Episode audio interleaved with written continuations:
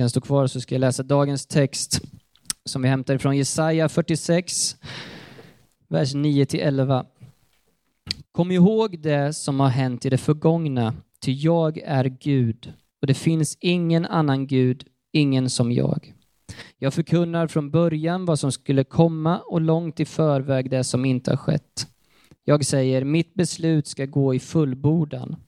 Allt vad jag vill kommer jag att göra. Jag kallar på örnen från öster, från fjärran land, honom som verkställer mitt beslut. Vad jag har talat, det låter jag ske. Vad jag har beslutat, det sätter jag i verket. Det är dagens text. Välkommen Daniel.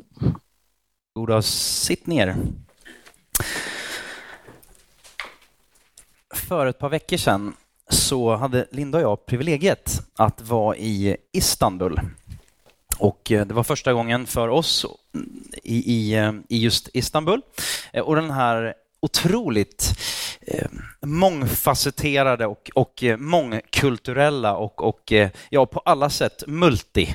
Eh, och mycket av allting. Du har både Europa och Asien i en och samma stad. Den, den skiljs åt av det här vatten, vatten och Bosporen och där, där hav möts. Och det är mycket som, som möts där. Och när man går neråt ja, de centrala delarna eh, kommer jag inte ihåg vad just den stadsdelen heter, men, men där de gamla kvarteren ligger eh, så inser man att det har funnits, eh, det har funnits tänkande människor.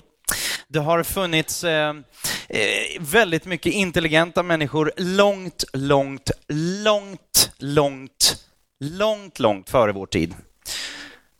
Vi tycker ju att vi lever någonstans i den mest upplysta av tider. Inte minst vi i Sverige, vi är väldigt duktiga på att klappa oss för magen och säga så här är det, kära vänner. Ni som inte vet det, runt om i världen, så här är det. Vi har ju liksom det perfekta svaret på det mesta, tycker vi själva. Så där, om jag raljerar lite grann. Inte så mycket kanske egentligen, men vi är där.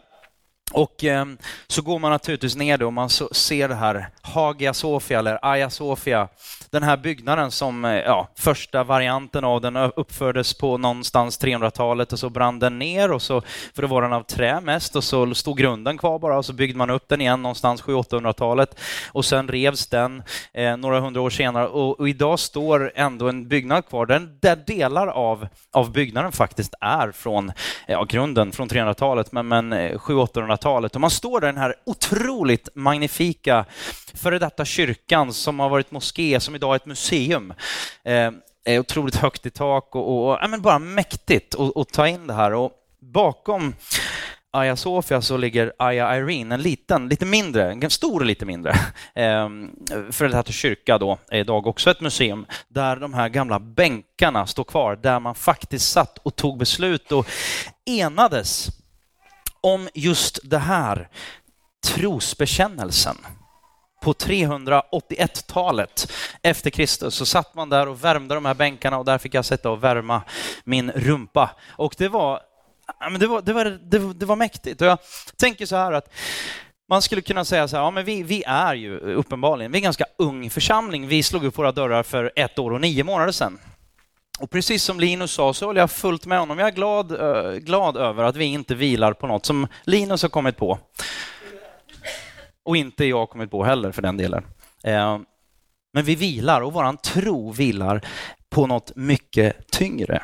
Något som inte bara är tungt och jobbigt utan genomarbetat och extremt upplyftande och eh, liksom, ja, men, hjälper oss förhoppningsvis att lyfta vår blick, nämligen då den apostoliska trosbekännelsen. Och vi kommer gå igenom den här, fortsätt. Vi har redan börjat, tjuvstartat. Vi har haft två eh, två delar. Det här är del tre och vi kommer fortsätta hela hösten, vintern och sen bit in i, på vårkanten. Eh, och, och eh, idag så har vi kommit jättelångt. Vi har kommit till ord nummer fyra. Eller rättare sagt fyra och fem. Och det är helt enkelt vi tror på, och så kommer de här två orden som jag ska prata om idag. Gud allsmäktig. Och så vill jag ta med nästa ord, för det är så viktigt i det stora hela, och det är Fader. Han är inte bara våran Gud allsmäktig, eh, mästare, herre, eh, regent och härskare i största allmänhet, utan gång på gång så, så säger Bibeln och bara så här, bilden av Gud, det är inte bara någon som är långt borta, utan någon som är nära också. Stor, väldig, men nära. Jag kommer till det, men att han är våran far. Eh, viktiga bitar. Eh, allsmäktig. Eh, va, varför är det så viktigt? Och jag, jag, jag, vad, vad betyder det här? Varför finns det med, med i trosbekännelsen? Man har ju kommit fram till då varför, alltså den här trosbekännelsen, den är så otroligt kärnfull och jag har blivit påmind om det än en gång när jag sitter och förbereder det här. Eh, så bara, hur ska man prata om allsmäktighet på ungefär 30-35 minuter? Det är inte helt sådär oproblematiskt i min värld, så ni får väl ha lite fördrag med mig då. Eh, men, men eh, jag ska göra mitt bästa, jag lovar. Eh, varför finns det med här? Varför finns det med i trosbekännelsen när vi har sagt och kommit överens om, eh, vi säger ja, men, men genom århundradena kommit överens om att de här grejerna som finns i trosbekännelsen, det är liksom non-negotiables. De här är icke förhandlingsbara när det kommer till kristen tro. Och det spelar ingen roll om du kallar det för katolik eller ehm, eh, protestant, lutheran, evangelikal, pentakostal, bla bla bla bla bla bla bla bla bla. Armen var det någon som sa. Eh, vår kunskap, eh, vad, vad, vad ska det göra med oss? För någonting ska det väl förhoppningsvis göra med oss när vi läser och förstår, okej, okay, Gud är allsmäktig. Eh, för det första skulle jag vilja säga vad det inte ska göra, tror jag. Vad det inte är menat åtminstone att göra. Det är inte menat att vi ska högst och främst bli så här nu ska vi ta på oss filosofhatten och bara bli så här sjukt djupa och, och dra alla smarta idéer som vi kan. Eh, och och eh, liksom föra resonemang där vi försöker att kontrollera allting. Vi kommer tillbaka där med ordet kontroll. Hur många vill ha kontroll? På kalendern, på ekonomin, på mamma, pappa, frun, brorsan, jobbet, chefen, pastorn. All, ja, men man vill ju kontrollera allting. De flesta av oss i alla fall. Vi har liksom sådär. Eh, men Gud säger att det finns ingen som har kontroll utom jag. För det är bara jag som är Gud. Och då kan man ju få allmän panik bli stressad och, och, och sådär, tappa fotfästet och börja fundera och fokusera på vad betyder det här nu? Liksom, kommer han nu bestämma vem som ska vinna Yatzy ikväll? Eller har han bestämt redan vart jag ska parkera bilen? Tänk om jag får en röd lapp? Nej, de är inte röda, de är gula numera. Rött kort. Här. Men, men tänk om jag kommer få en bö... Då är det ju Guds fel att jag får en, en böteslapp. Um, tanken är ju heller inte att ge våra hjärnor en hejdå-kyss. Och bara, nej men vi, vi bara kapitulerar och bara tänker inte till. Och vad, nej men vadå, det kanske inte betyder så mycket. Gud är allsmäktig och så är det bara. Eh, jag tror att det är bra att hålla sig någonstans. Jag tror att det är viktigt att man har ett rätt förhållningssätt och att man är, jag vet inte, det här ordet ödmjuk, det, det är svårt. Eh, men det är ändå ett väldigt bra förhållningssätt, inte minst när man kommer, kommer till Gud. Och när man pratar om Guds allsmäktighet så inser man bara så här, okej, okay, Gud är enormt stor. Bibeln säger sådana här brutala saker som att Gud har placerat ut stjärnorna med sina fingrar. Och då vet vi att det vi kallar för stjärnor, ja det är ju solsystem. Det är ju liksom, alltså det är hur stort som helst. Och när vi pratar om det här hemma, om man, just det här med barn, om man försöker förklara saker så får man frågan då, pappa, är Gud, hur stor är Gud? Är hans liksom, stortå större än vårt hus? Va? Ja, hans stortå är nog större än vårt hus. Sen kommer den här, den har tyvärr börjat avta lite den här frågan, men, men den värmer en pappas hjärta. Jag lovar dig, när den kommer, pappa, är Gud starkare än dig? Ett tag till får jag bara mm, bara smälta de här, de här, de här bitarna. Um, Bibelns Gud är en enormt stor Gud. En Gud som placerar ut stjärnor himla rymden, han har skapat jorden, han har skapat universum.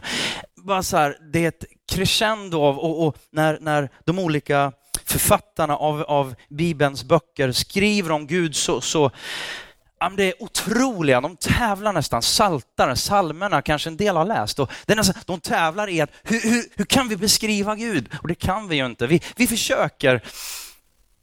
Och så någonstans där så, så kanske man är några sådär man är, man är något på spåren och så bara Gud är enormt stor. Och det, det skulle kunna och har historiskt också lett till att vi bara har stora katedraler för Gud är stor och allting blir stort och långt borta och det blir distans mellan Gud och människa. Men hela poängen med Guds allsmakt är att inte bara han är stor, väldig, han är på ett sätt då långt borta, men samtidigt är han väldigt nära. Och där i ser du också väldigt mycket av Guds storhet. Där, alltså, ingen människa skulle kunna komma på tanken att O store Gud också blir O lilla bebis i Jesus Kristus när han föddes. Vad innebär det då? Vad, vad, vad, vad, bör det få för konsekvenser för dig och mig? Det jag hoppas, att det ska bara ge en liten uns av, av förståelse, det här när man börjar förstå och, och, och man sätter sin, sitt hopp. Man sätter sin tilltro till någon som inte ja, men står upp idag och har blivit bortvald imorgon. Man står inte bara och, och lutar sig mot någonting som är inne idag och ute imorgon. Utan man står i så fall inte bara lutad på, utan grundad på. Man har, en, man har Gud över sig, under sig, på sidorna. Han omsluter oss på alla sidor, står det i en av psalmerna. Man får luta sig mot någon som kommer stå tidens tand och som har uppfunnit tiden. Och det bör ju rimligtvis leda till förtröstan, trygghet, glädje, frihet och inte bundenhet och en massa andra saker. Jag tänker att alltså, det är nog inte så dumt. Det brukar inte vara det när Jesus säger det. Det brukar vara lite tanke bakom.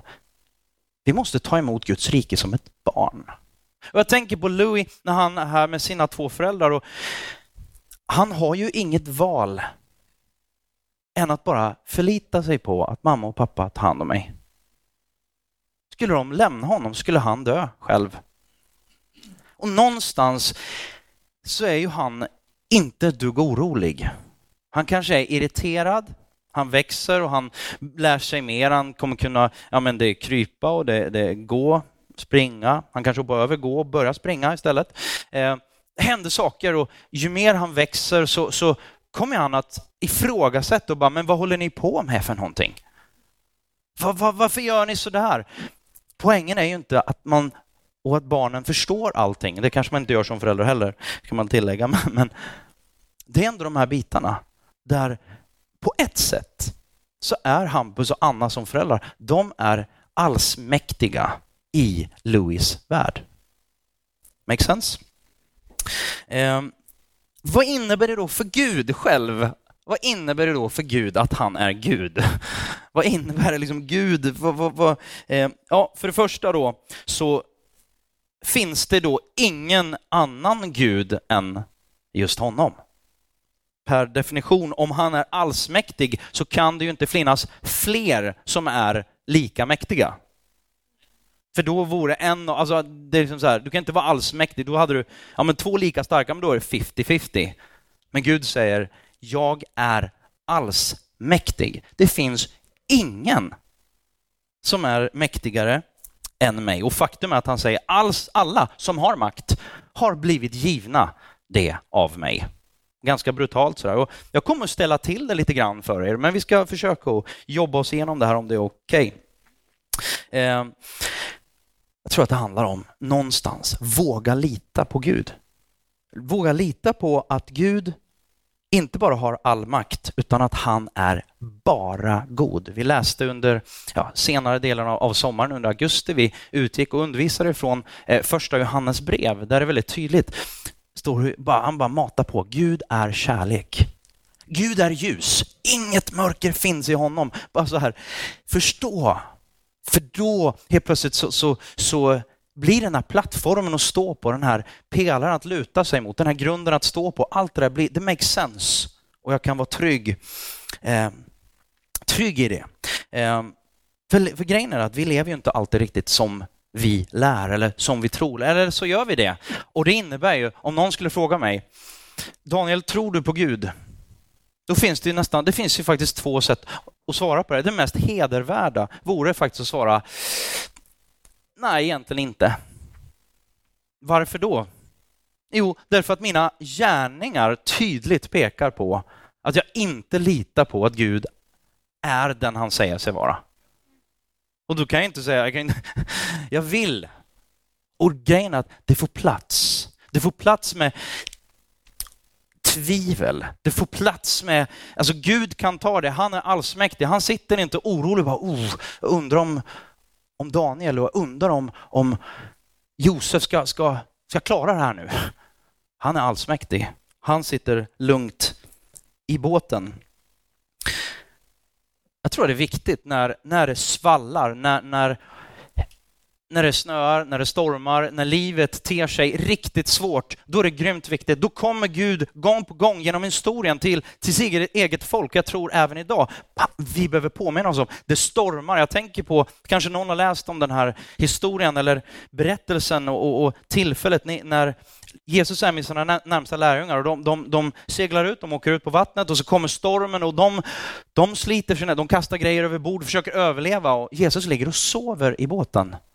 Och så till slut väcker de honom och bara, men vad håller du på med? Du måste hjälpa till med här. Du måste hjälpa till så att vi inte dör, så att vi inte går under. Och han bara, men hallå, har ni glömt vem jag är? Och så talar han till vinden. Han sitter lugnt i båten, talar till vinden, allting blir bara lugnt och stilla. De behövde bli påminda om vem Gud var. Någonstans så var den där stormen, det var jättejobbig, men det var också väldigt nyttig. Väldigt nyttig erfarenhet tror jag för hans närmsta vänner. De hade glömt bort lite grann vem han var. Eh, konkret då, vers 9 till 11, det som vi läste då. Jag tycker det är väldigt konkret vad det betyder att Gud är Gud. Ty jag är Gud och det finns ingen annan Gud, ingen som jag. Jag förkunnar från början vad som ska komma och långt i förväg, förväg det som inte har skett. Jag säger, mitt beslut ska gå i fullbordan. Allt vad jag vill kommer jag att göra. Det finns ingen som honom. Han ensam är Gud. Där kan man också se då eh, Ja, vi kan göra så här att vi, vi tittar på, man brukar förklara Guds, Guds allsmäktighet och det här ordet suveränitet eh, i tre olika, eh, från tre olika aspekter och tre olika delar.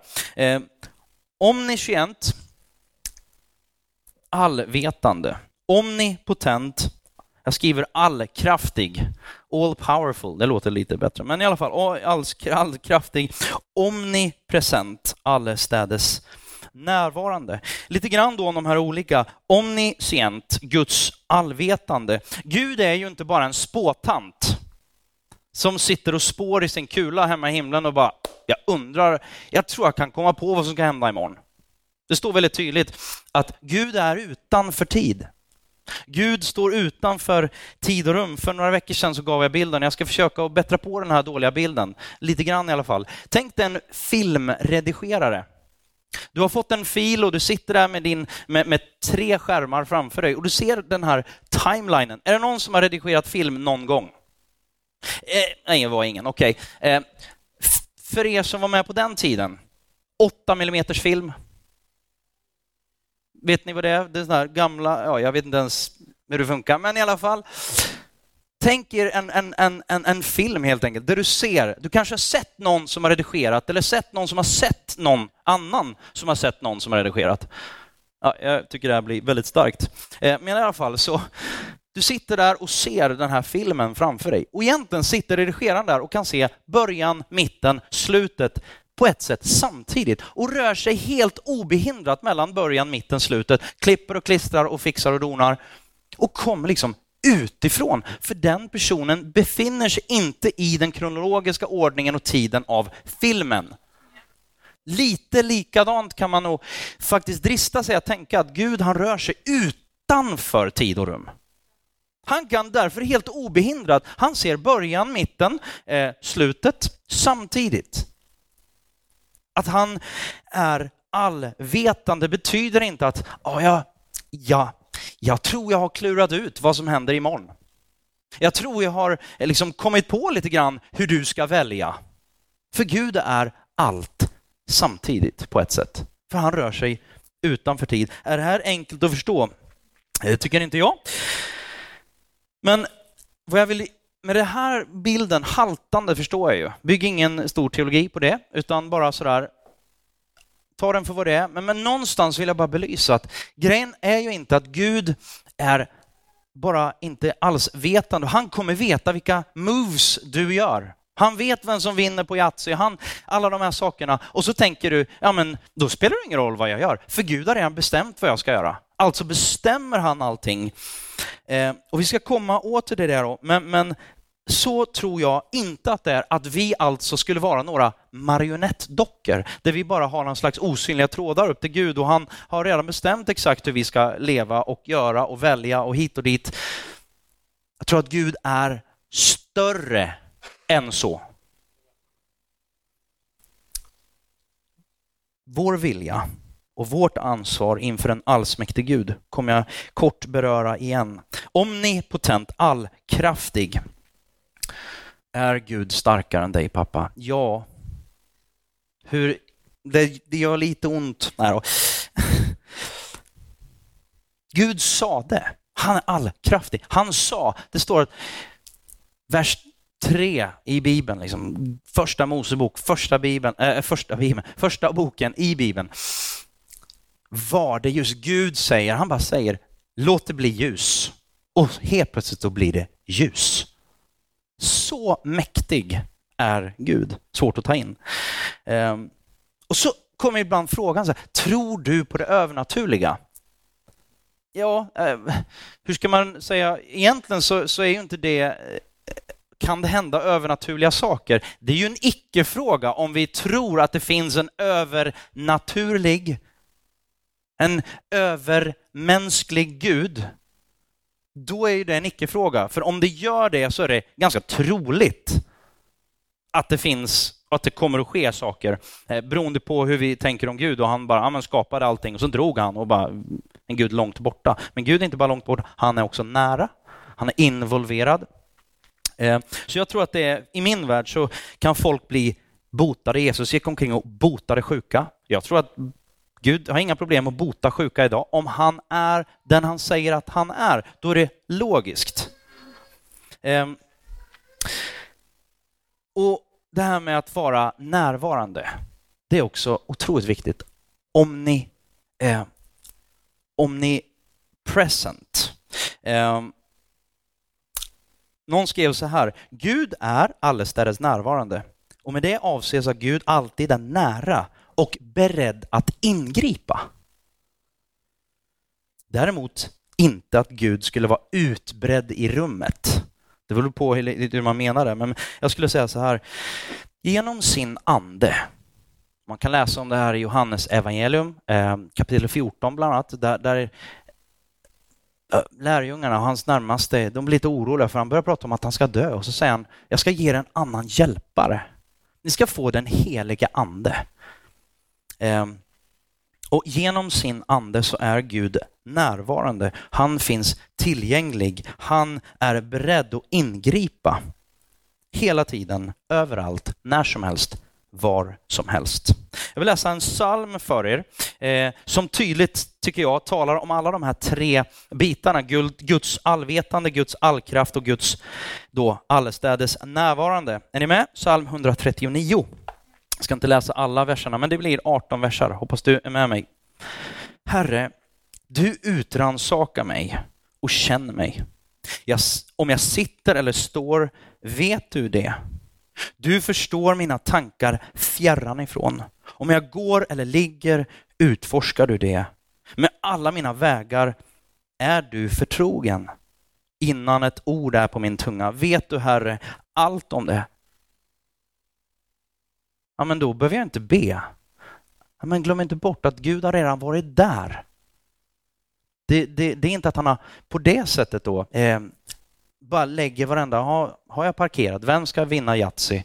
Utan Gud har varit där. Så därför vet han det och ditt, att du, du ber, att du kallar på honom innan ett ord är på min tunga, vet du Herre allt om det. Det är, en, det är bilden av Gud som inte, inte främst, ja men jag ska styra allting, jag har kontrollbehov, utan en Gud som är kärleksfull, som är mäktig, som är väldig, som är allsmäktig. Vi kommer till det då, men du omsluter mig på alla sidor och håller mig i din hand. En sån kunskap är för mig allt för underbar. Den är så hög att jag ej kan förstå den. Var ska jag gå för din ande? Var ska jag fly för ditt ansikte? Om jag får upp till himlen, då är du där. Bäddar jag åt mig själv i dödsriket, är du där. Tar jag morgonrodnadens vingar, gör jag mig en boning ytterst i havet. Ska också där din hand leda mig och din högra hand fatta mig. Om jag säger må mörker falla över mig och ljuset blir natt omkring mig, så är inte mörkret mörkt för dig. Natten ska lysa som dagen och mörkret vara som ljuset. Du har skapat mina njurar. Du sammanvävde mig i moderlivet. Jag tackar dig för att jag är så underbart skapad. Ja, underbara är dina verk. Min själ vet det så väl. Benen i min kropp var inte osynliga för dig när jag formades i det fördolda, när jag bildades i jordens djup. Dina ögon såg mig när jag ändå var ett outvecklat foster.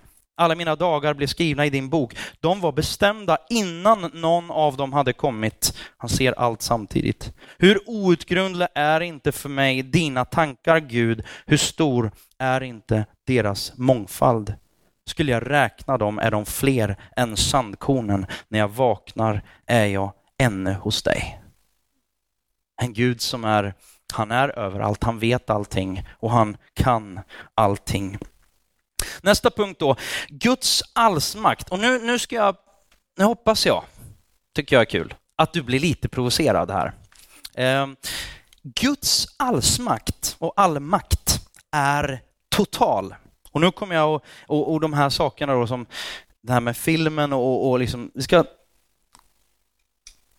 ska, ska eh, ställa till det lite där. Ordspråksboken 1633.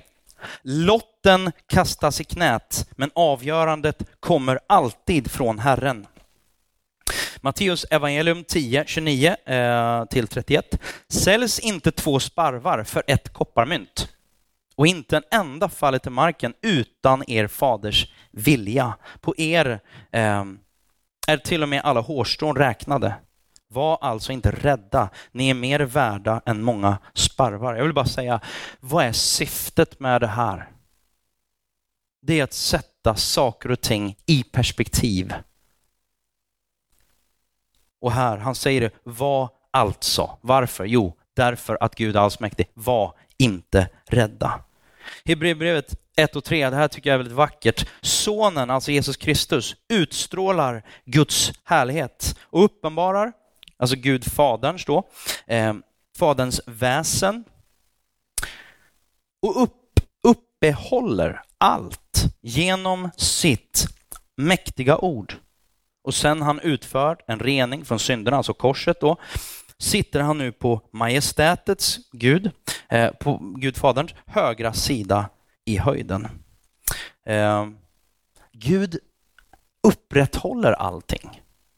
Jag brukar tänka på så här, man följer med i vetenskapen och, och de pratar ibland om the God particle så här, gudspartikeln. Liksom så där. Och vad vet jag om de kommer komma på det och hitta något ännu mindre och så vidare. och så vidare. Men jag, jag, tänker så här, det finns ändå, hur långt in eller hur långt ut som forskarna än kommer, så är det bara att konstatera, de kommer aldrig riktigt ända fram.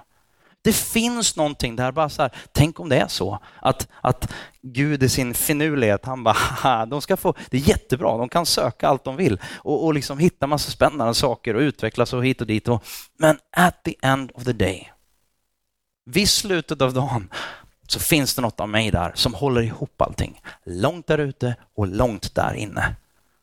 Det tycker jag är häftigt i alla fall.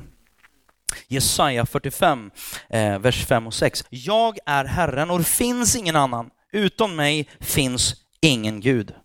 Jag spände bältet om ditt liv fastän du inte kände mig. För att man skulle förstå både i öster och väster att det inte finns någon utom mig. Jag är Herren och det finns ingen annan.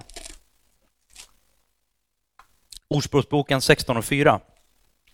Herren har gjort var sak för sitt särskilda syfte, även den ogudaktige, ogudaktige för olyckans dag. Psalm 115 och 3. Vår Gud är i himlen, han gör allt vad han vill. Ordspråksboken 16 och 9, sista här nu då. Människans hjärta tänker ut sin väg, men Herren är den som styr hennes steg.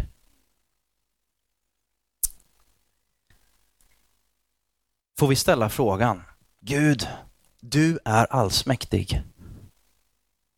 Vad i hela friden sysslar du med nu? Den frågan tror jag det är många som ställer. Den har ställts genom århundraden. Gång på gång på gång. Varför? Hur? Det här ordet varför, det kan vara det mest spännande och det mest fruktansvärda.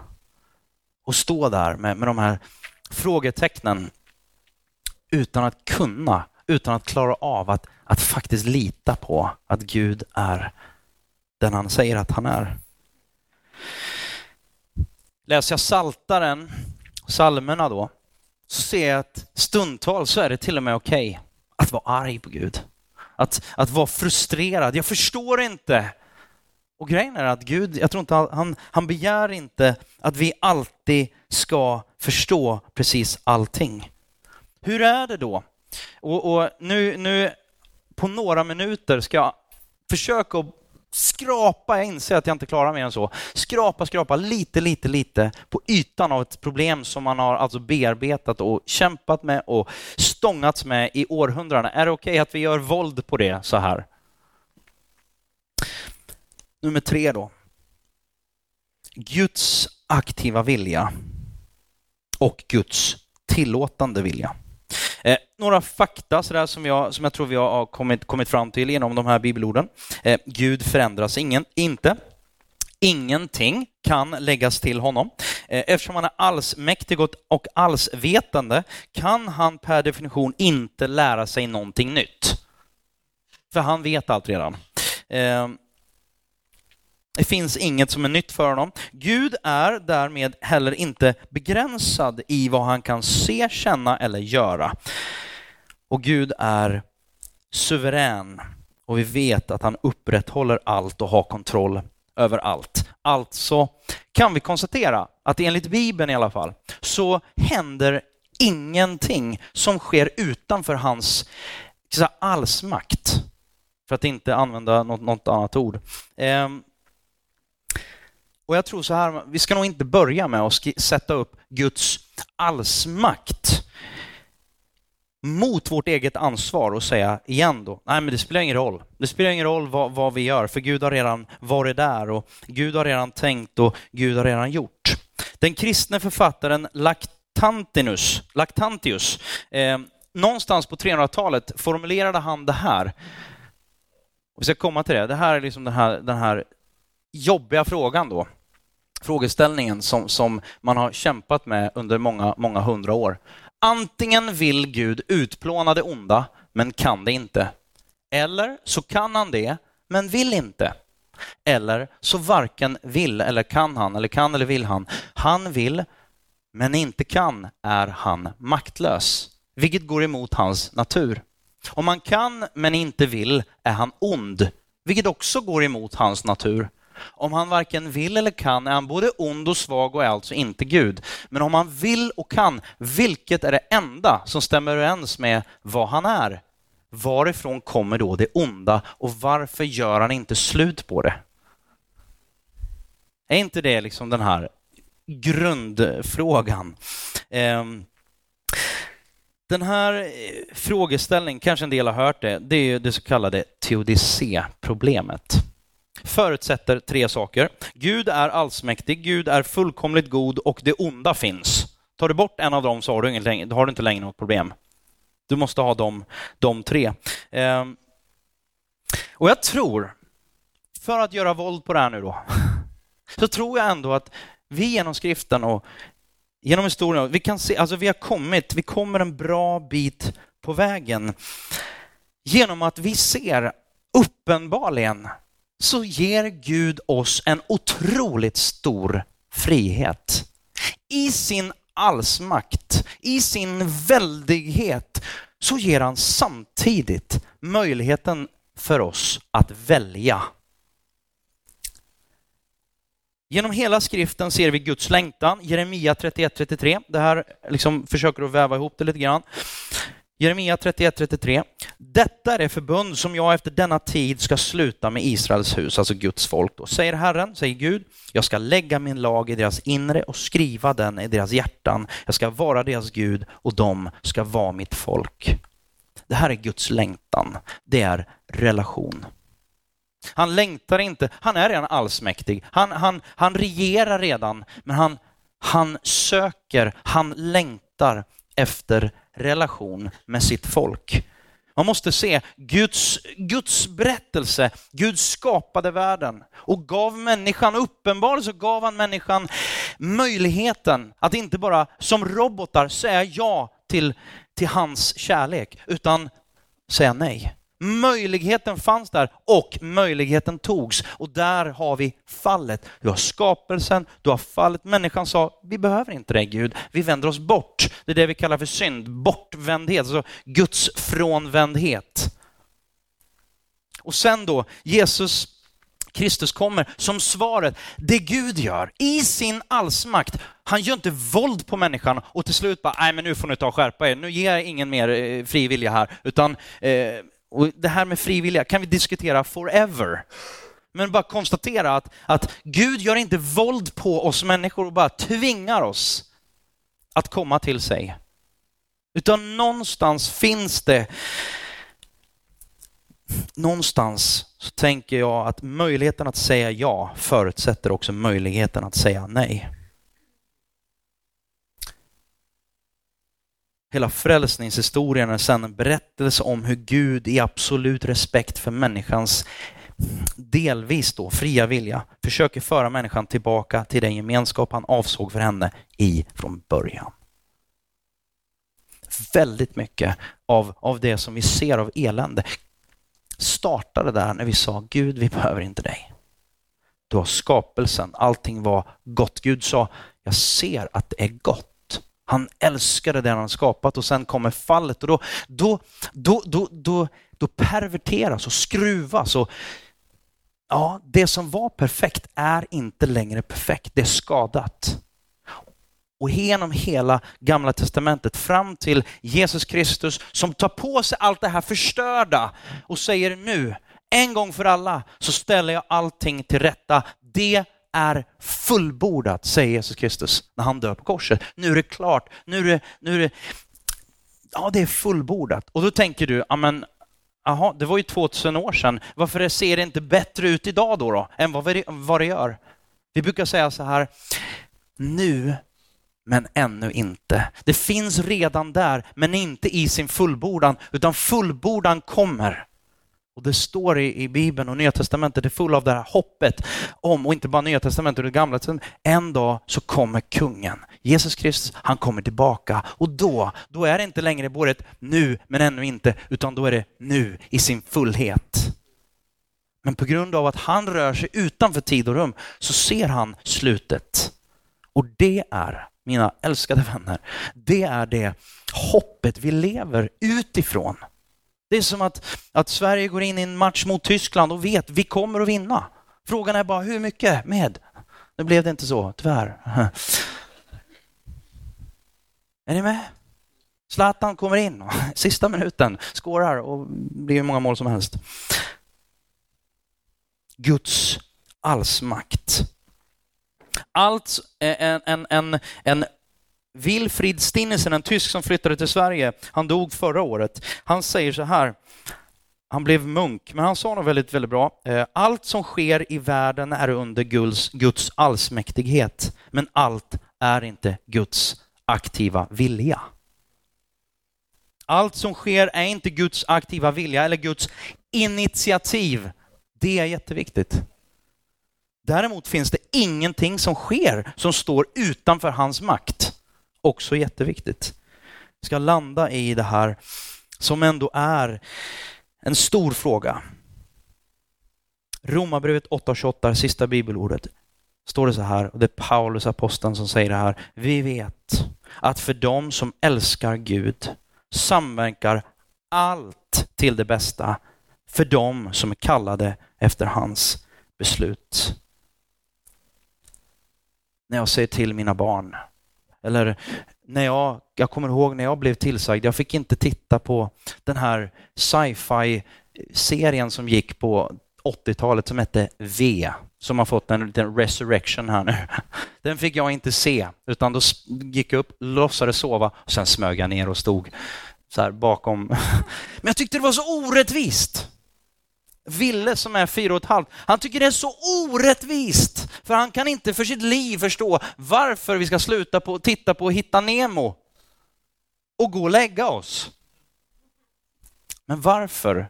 Varför förstår han inte det? Jo, därför att han kan inte se konsekvenserna. Han kan inte se morgondagen. Men mamma och pappa kan förhoppningsvis se morgondagen. Precis på samma sätt. Andreas, välkommen upp. Precis på samma sätt så kan vi inte se allting. Vi vet inte vad som kommer imorgon. Men jag tänker ändå så här på bilden av Gud, Fadern, som är bara god. Inget mörker finns i honom. Han är bara ljus. Och vi får på något sätt överlåta oss till honom. Jag tänker på en schackspelare. De här otroligt duktiga schackspelarna. Nu säger jag inte att Gud ser oss som ett schackbräde och han bara styr oss och ställer. Utan låt säga att du sitter på ena sidan och han sitter på andra sidan. Vad du än gör för drag, vilken spelare som du än får utslagen,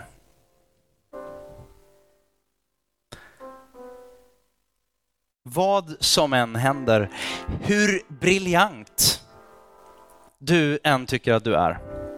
Hur katastrofalt värdelös du än tycker att du är. Ibland tycker vi, känner vi och upplever båda samtidigt. Vad som än händer så säger min bibel, bilden av det, det är att Gud är schackmästarnas schackmästare. Med lillfingret vid slutet av dagen när ridån går ner, när orden är slut, då har han sista ordet. Då har han vunnit. Och det enda sättet för dig att vinna, det är om han vinner. Du kanske tror att du behöver vinna. Du kanske tror att du behöver ha kontroll. Jag behöver ha kontroll, jag behöver veta, jag behöver... Åh.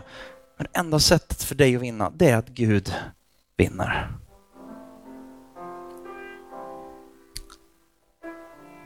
Gud är mästerschackspelaren. Och jag vet inte din, din story. Du vet inte det som händer imorgon. Du kan räkna ut lite saker. Men det kanske ändå är ganska så bra det här som Jakob säger i Nya Testamentet. Om Herren vill och vi får leva, ska vi göra det eller det? Ha en ödmjukhet. Kanske borde vi säga mer, om Herren vill och vi får leva, då. Sen är det ju bara att konstatera. Vi lever 75-80 år i genomsnitt. Och Gud är evig. En sång vi har sjungit hemma, den, den, den sjunger, först så börjar det med 10 000 år och sen fortsätter det in i oändligheten. Då är det så här, ja, igen, perspektiv. Vad lever jag för? Ofta väldigt, väldigt kortsiktigt. Tänk att leva för någonting som är något längre, något längre fram och har lite längre horisont. Tänk att leva för någonting som är evigt. Våran evighet vilar i Guds händer, inte på dina och mina gärningar. Och jag hoppas att idag, min bön som jag vill avsluta med, det är att vi skulle våga lita på Gud, våga luta oss mot Gud. Någon sa lite klyschigt men väldigt bra, let go, let God. Våga släpp kontrollen. Våga släpp taget och våga släpp den här krampen om att du ska klara allt, du ska veta allt, du ska, ja men allting vilar på dig. Våga släpp taget. Det här belöningssystemet.